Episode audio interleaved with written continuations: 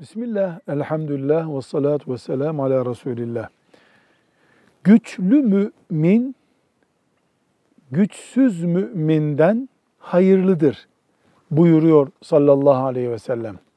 Genel hatlarıyla bu hadisi şerif, Müslümanların imanda eşit olduklarını yani mümin olunca kazandıkları değerin aynı olduğunu ama imandan sonra hayatı yaşarken belli bir güç sahibi olmalarının Müslümanca yaşamak için daha iyi olduğunu anlatmaktadır bu hadis-i şerif.